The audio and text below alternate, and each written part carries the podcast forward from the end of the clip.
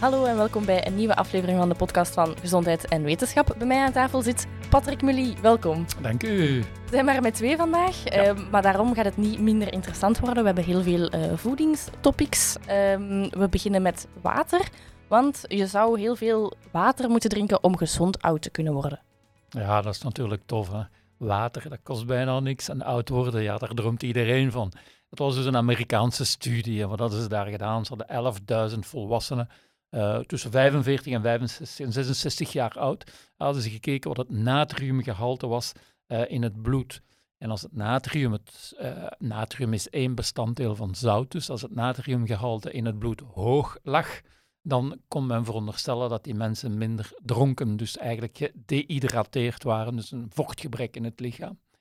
Dus hadden ze bij die 11.000 mensen gekeken naar het bloed en naar het natriumgehalte en allemaal heel tof. En hadden ze die mensen opgevolgd. En wat hadden ze gezien tijdens de opvolging? Dat die mensen met een hoog natriumgehalte, dus eigenlijk die mensen waar je kunt veronderstellen dat ze veel te weinig drinken, dagelijks drinken, dat die mensen dan vlugger doodgingen en veel meer ziektes hadden, chronische ziektes zoals diabetes en weet ik al, al die miseries dat je kunt tegenkomen in het leven. En daarboven, en dat is wel opmerkelijk, die biologische leeftijd die lag veel hoger dan de reële leeftijd. En wat wil dat nu zeggen?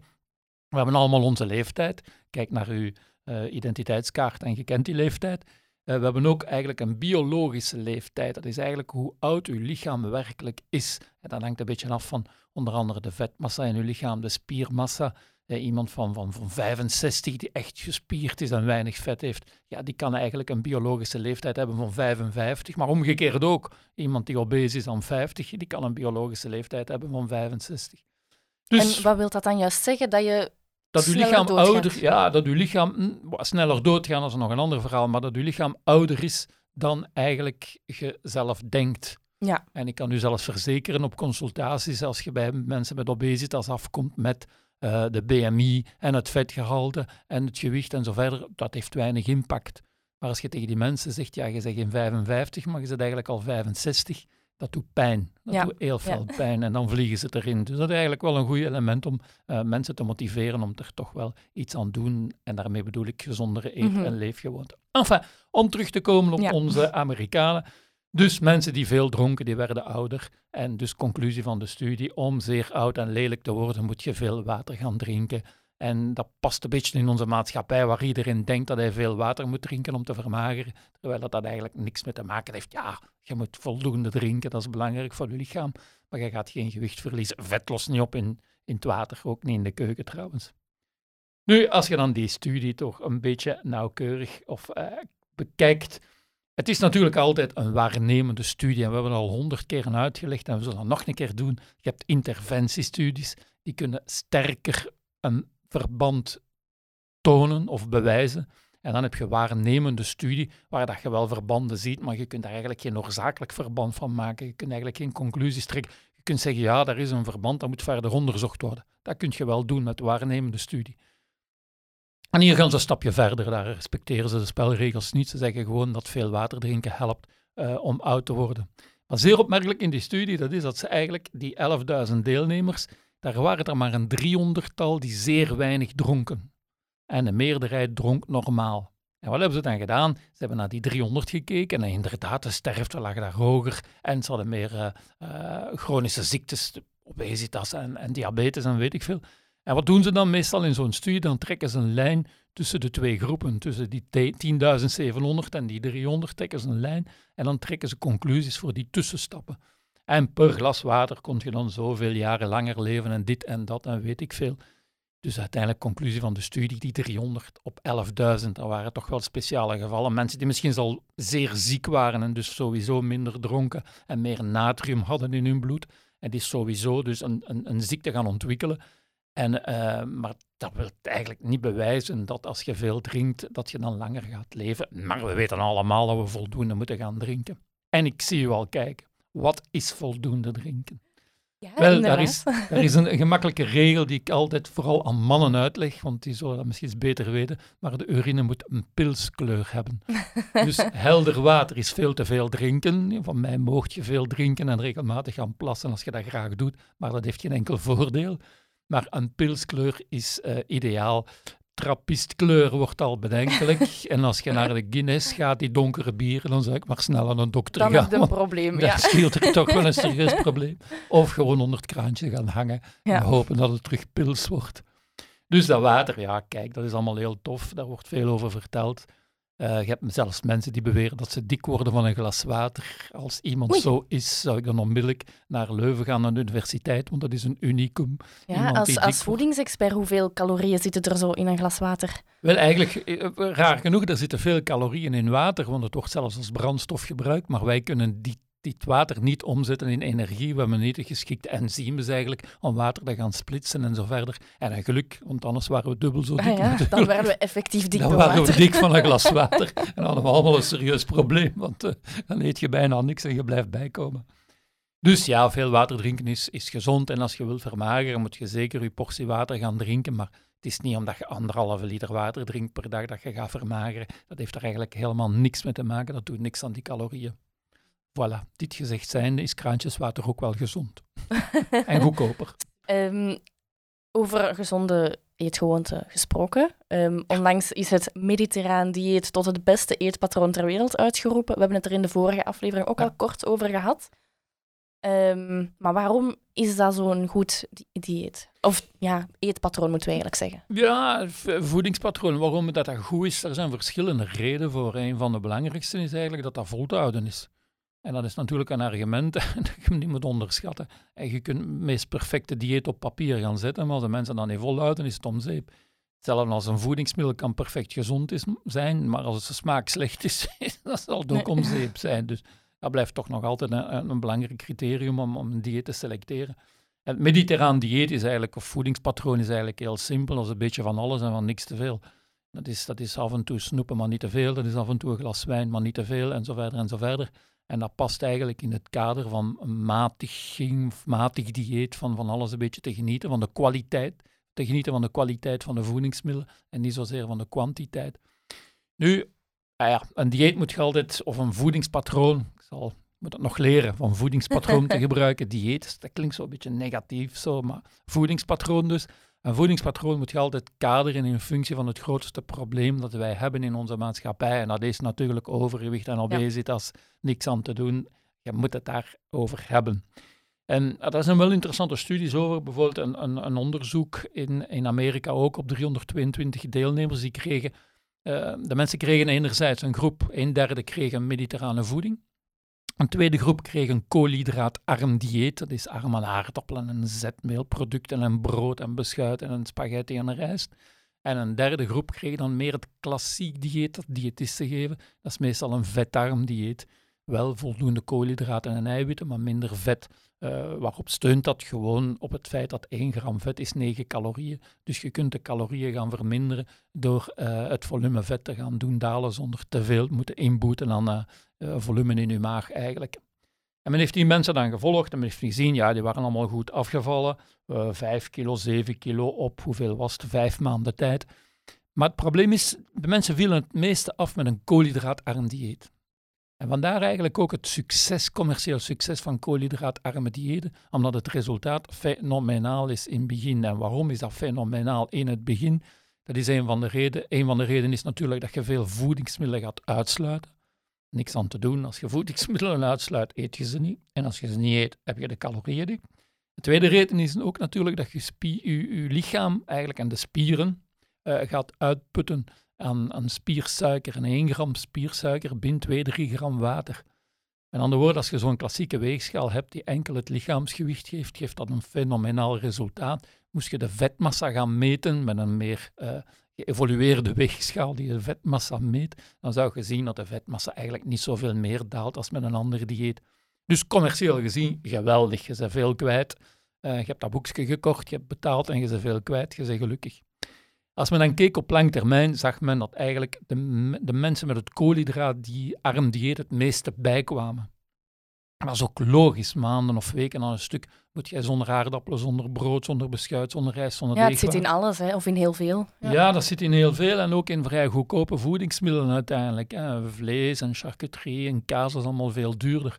Met andere woorden, als je die gaat terug inschakelen, je hebt eigenlijk tijdens je dieetfase niet geleerd van daar normaal mee om te gaan. Dus je gaat die terug inschakelen. Dat gaat lekker zijn in het begin, want je hebt maanden gefrustreerd rondgelopen zonder. Ja. En de kans is heel groot, en dat is zo in studies dat gezien dat die mensen ook het meeste bijkomen.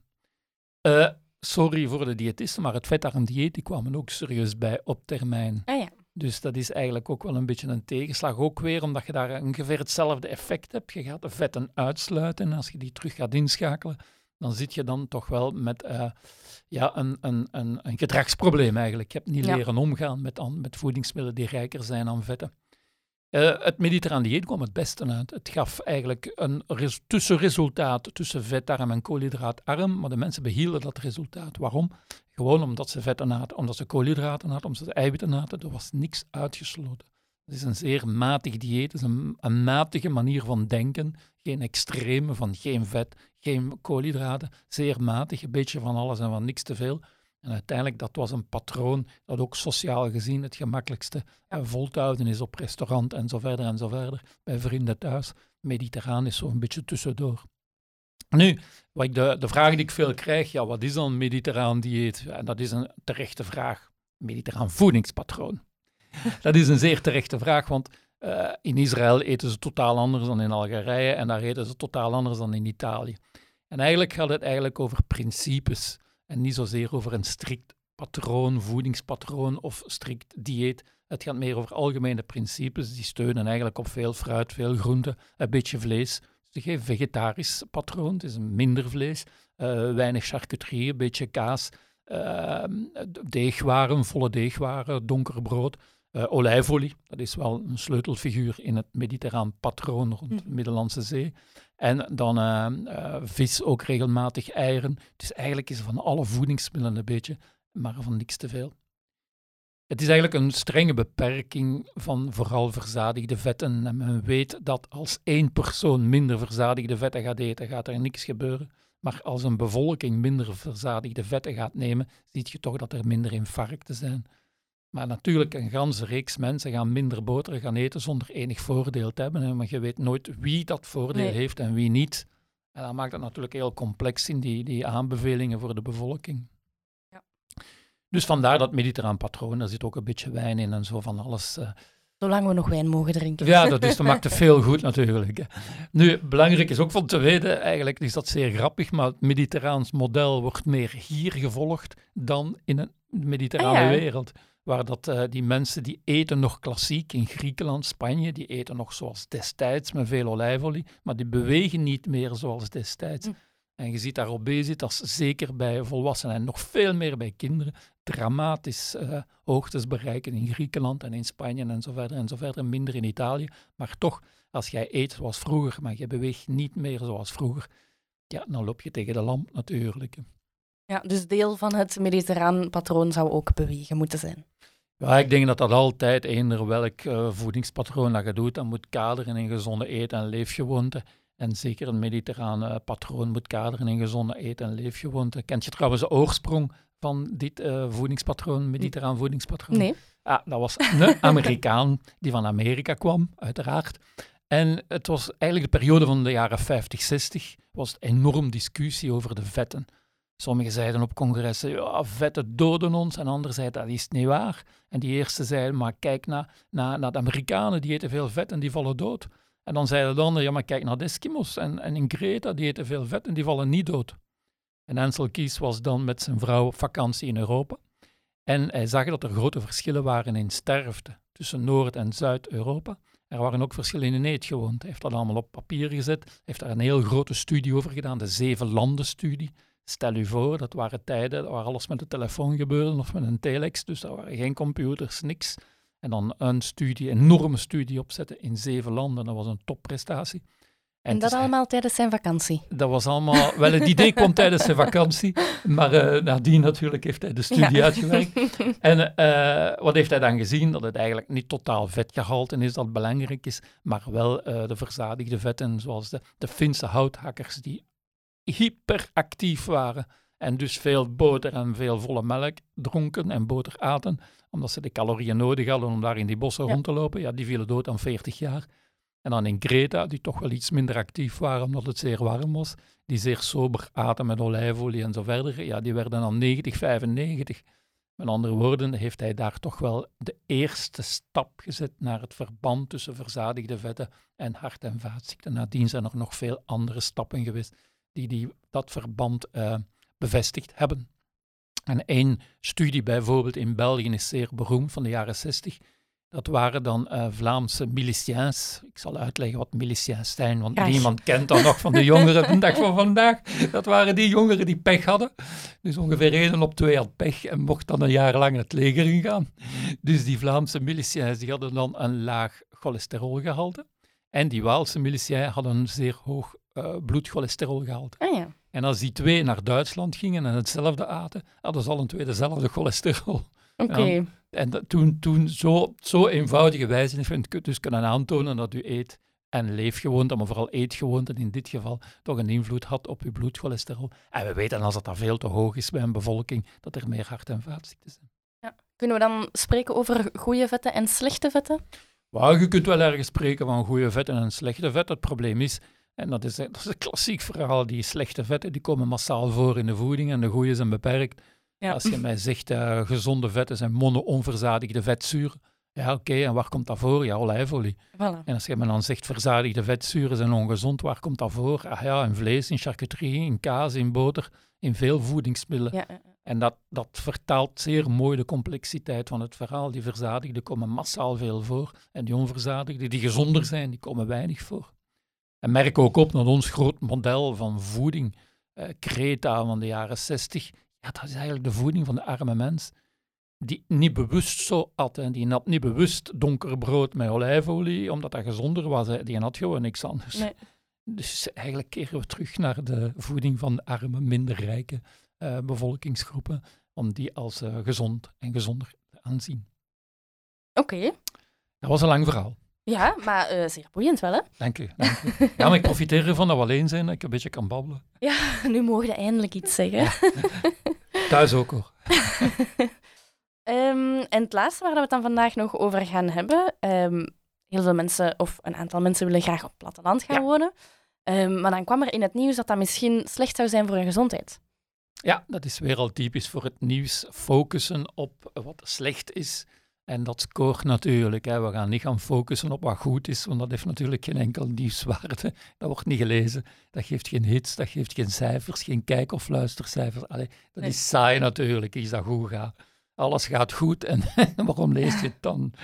Dus ja, inderdaad, wat is het? Een Vlaamse studie, wat hebben ze gedaan? Dat is AMPA gemeten. En ik lees af. Ik ga hier niet geleerd doen, ik lees af. AMPA is aminomethylfosfonzuur. Dat is een afbraakproduct van onder andere glyfosfaat, dat we beter kennen als Roundup. Ja. Dat eigenlijk een, een onkruidverdelger is dat gebruikt wordt. Werd privé, maar privé mag dat niet meer gebruikt worden.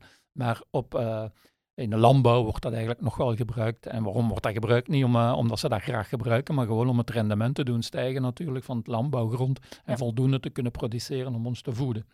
Goed, wat hadden ze gedaan? Ze hadden gekeken naar de urine van een aantal adolescenten. Dat was 424 Vlaamse adolescenten van rond de 15 jaar oud. En dan hadden ze de urine van genomen en daar hebben ze dan AMPA, dat beruchtproduct, afbraakproduct, gemeten. En wat hebben ze gezien? Ja, kinderen die op platteland wonen, kinderen die wonen in omgeving van veel uh, landbouwgronden, niet velden, maar landbouwgronden, die hadden een hoger gehalte als AMPA van AMPA dan andere kinderen. Conclusie, ja, buiten wonen is niet per se gezonder, en zo verder, en zo verder, en zo verder. Nu, het eerst en vooral als je begint te zoeken met die zeer krachtige machines die we vandaag hebben, dan ga je van alles vinden bij iedereen. Ik denk, ik ben 65, als je mij onder een scanner stikt, dat er een of ander arts daar ook zot van zou worden, van artroden en misvormingen en weet ik veel. Dus wie zoekt, die vindt.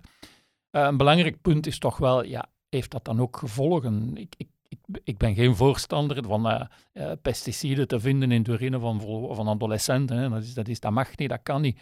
Maar je moet er ook geen, geen drama van maken, want zo zal, zal, zal het debat ook niet goed vorderen uiteindelijk. Dus heeft dat ook gezondheidsgevolgen? Dat weten we niet. We denken misschien aan de vruchtbaarheid van de jongeren, maar dat is een hypothese. Dat is eigenlijk niet bewezen. En bij hypothese moet je nog altijd oppassen, zolang als die niet bewezen zijn. Een ander probleem is dat ze 1655 uh, kinderen gecontacteerd hebben en uiteindelijk hebben er maar 420 ouders toelating gegeven.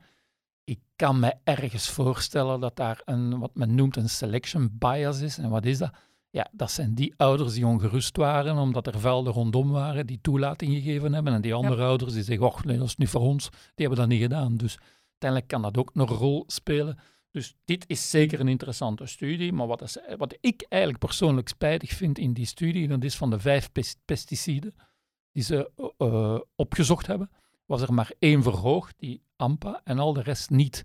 En dat komt dan niet in het nieuws. Nee. Uh, weer al omdat goed nieuws niet scoort. Dus men verzwijgt dit, terwijl dat dit eigenlijk toch gedeeltelijk goed nieuws is. Die anderen waren geen probleem, maar die AMPA wel. En daar moeten we dan een beetje aan werken. Maar gaan zeggen van uh, buiten wonen is dramatisch en slecht voor de gezondheid en even ongezond als in stad, dat is absurd, want ze hebben ook geen kinderen in stad gemeten. Nee, voilà, ik kan me voorstellen dat ze daar misschien geen AMPA vinden, maar wel andere dingen. Dat, dat, dat, is het, dat is hem uiteindelijk. Dus allez, het is weer al, allez, die studie was vrij correct, daar niet van. Ik denk een groot probleem is wel veel onderzoekers, ja, die willen absoluut in de pers komen. Ten eerste is dat tof van uw naam in de gazet te zien. Eh, de eerste keer zijn ze dolgelukkig. Als dat regelmatig gebeurt, word je dat beu. Maar de eerste keer zeg je dolgelukkig. En ten tweede, ja, je wordt ook gepusht door ofwel de sponsor ofwel de universiteit om zoveel mogelijk rugbaarheid te geven aan uw studie, om, om de instelling te verkopen. Zeker nu dat er nieuwe studenten komen, in september en zo probeert iedereen zich te positioneren met folders en berichten. En wij zijn de beste, kom naar ons. En ik denk dat dat geen gezonde concurrentie is en uh, dat het allemaal niet altijd zeer correct is. Nee. Voilà. Uh, bedankt dat je er weer bij was, Patrick Murie. En tot ik was er tenminste. voilà. En tot de volgende keer. Joe,